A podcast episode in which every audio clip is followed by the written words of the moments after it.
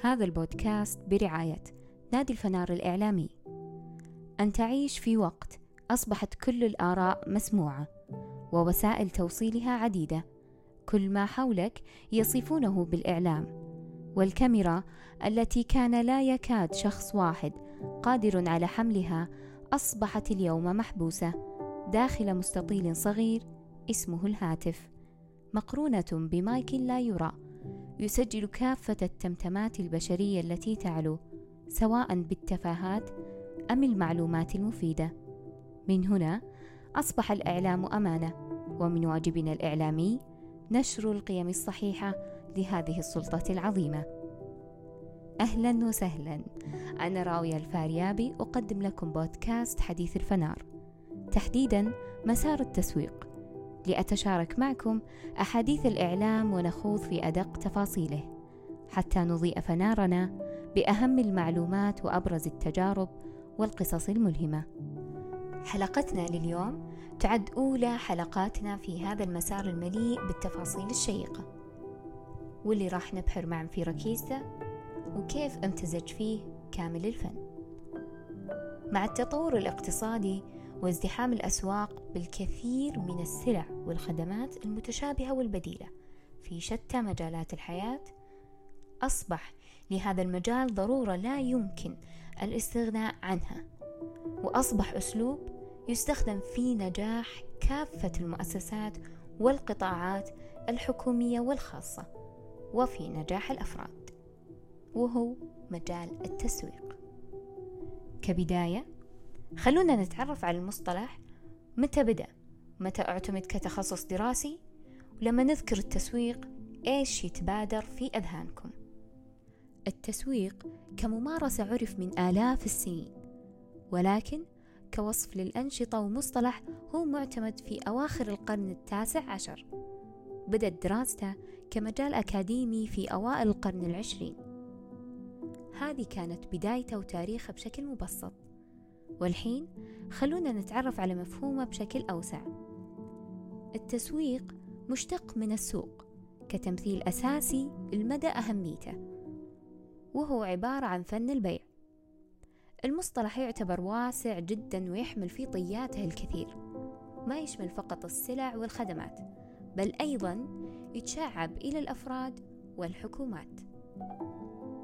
ما قد فكرتوا متى نبدأ بالتسويق؟ هل بعد ما ننتهي من تقديم السلعة أو قبل؟ حقيقة إحنا نبدأ بخطوات عملية التسويق قبل ما نبدأ بإنتاج المنتج لأنه يعتبر عملية شاملة تدرس كافة المجالات لتحقيق الهدف الرئيسي واكتساب الميزة التنافسية بين المستثمرين عشان نسوق المنتج أو خدمة لازم نتعرف على أبرز العناصر الأساسية للتسويق واللي تسمى بعلم وأصول التسويق المزيج التسويقي. خلونا نتكلم عنهم عنصر عنصر ونوضحهم بشكل مبسط وخفيف. نبدأها بالمنتج. هو العنصر الأول ولا بد يكون من السلع أو الخدمات المطلوبة في السوق. يعني ضروري يلبي حاجات وطلبات المستهلكين أكثر من بقية المنتجات المتاحة. يليه السعر. واللي هو المبلغ اللي بتبيع به الشركة منتجها. طبعا لازم ناخذ بالحسبان تكاليف الإنتاج والتسويق وكامل عملية الإنتاج والتخطيط. وأيضا مراعاة أسعار السلع المنافسة وهل بيكون السعر مقبول عند المستهلكين أو لا. والعنصر الثالث اللي هو المكان وهو تحديد مكان توزيع المنتج سواء من خلال واجهة المتجر أو إلكترونيا. وأخيرا الترويج ويشمل مجموعة من الأنشطة مثل الإعلان والبيع والعلاقات العامة والتسويق المباشر. ويتم الترويج من خلال وضع استراتيجية تسويق شاملة ويتأكدون أن المنتجين يربطون سعر المنتج وتوزيعه دائما بجودته. بما أن وظيفة إدارية وركيزة للنجاح يعني أكيد له أهمية. والشركات الكبيرة والناجحة تدرك أهمية الإدارات التسويقية العاملة في الشركة. وتدرك أيضا أن وجود إدارة تسويقية مع سياسة واضحة في التسويق ومهام محددة لكل إدارة تكون خطوة رائعة في تحقيق النجاح. وأيضا يدركون أن إهمال الجانب التسويقي راح يؤدي بالشركة إلى عدم التطور والتقدم وربما الفشل. ولذلك بنشوف مع بعض أهمية هذا الجانب على عدة مستويات. أولا أهمية التسويق على مستوى المنظمة. يحافظ على سمعة الشركة وامتلاكها رؤية واضحة بالنسبة للموظفين قبل المستهلكين. وأيضا يسهل التواصل مع المجتمع. طيب كيف؟ التسويق يشمل تقديم المعلومات عن المنتج والشركة والدفاع عنهم. وبالتالي راح يكون في تواصل مع الناس. ثانيا أهميته على مستوى الاقتصاد. من خلال تطوير الإنتاج والخدمات والسلع يساهم التسويق في زيادة نمو اقتصاد العالم. وهذا يؤدي إلى زيادة فرص العمل في عدة مجالات. ثالثا أهميته على مستوى المجتمع. يزيد فرص العمل من خلال توسيع دائرة الأعمال وخلق الوظائف. وأيضا يحمي المستهلك. طيب كيف يحمي المستهلك؟ ساعدت عمليات توسع التسويق على إعداد قوانين وأنظمة كثيرة.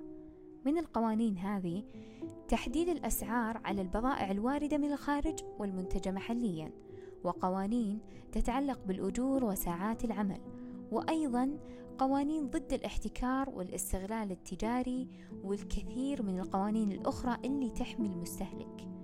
وأيضا يقوم التسويق بتثقيف وإعلام المستهلكين بالمنتجات وتزويدهم بمعلومات التواصل. بعد ما عرفنا الأهمية جاء دور مجالات التسويق. تتعدد المجالات بتعدد المنتجات المراد تسويقها والحين بنتعرف على المجالات بشكل عام. خلونا نبدأ بمجال الخدمات. وهي المنتجات الغير ملموسة مثل خدمات الاتصالات والنقل والبنوك. وعكسها مجال السلع وهي المنتجات الملموسة كالكتب والسيارات والملابس. ثم مجال الأشخاص مثل لما نروح مقابلة عمل.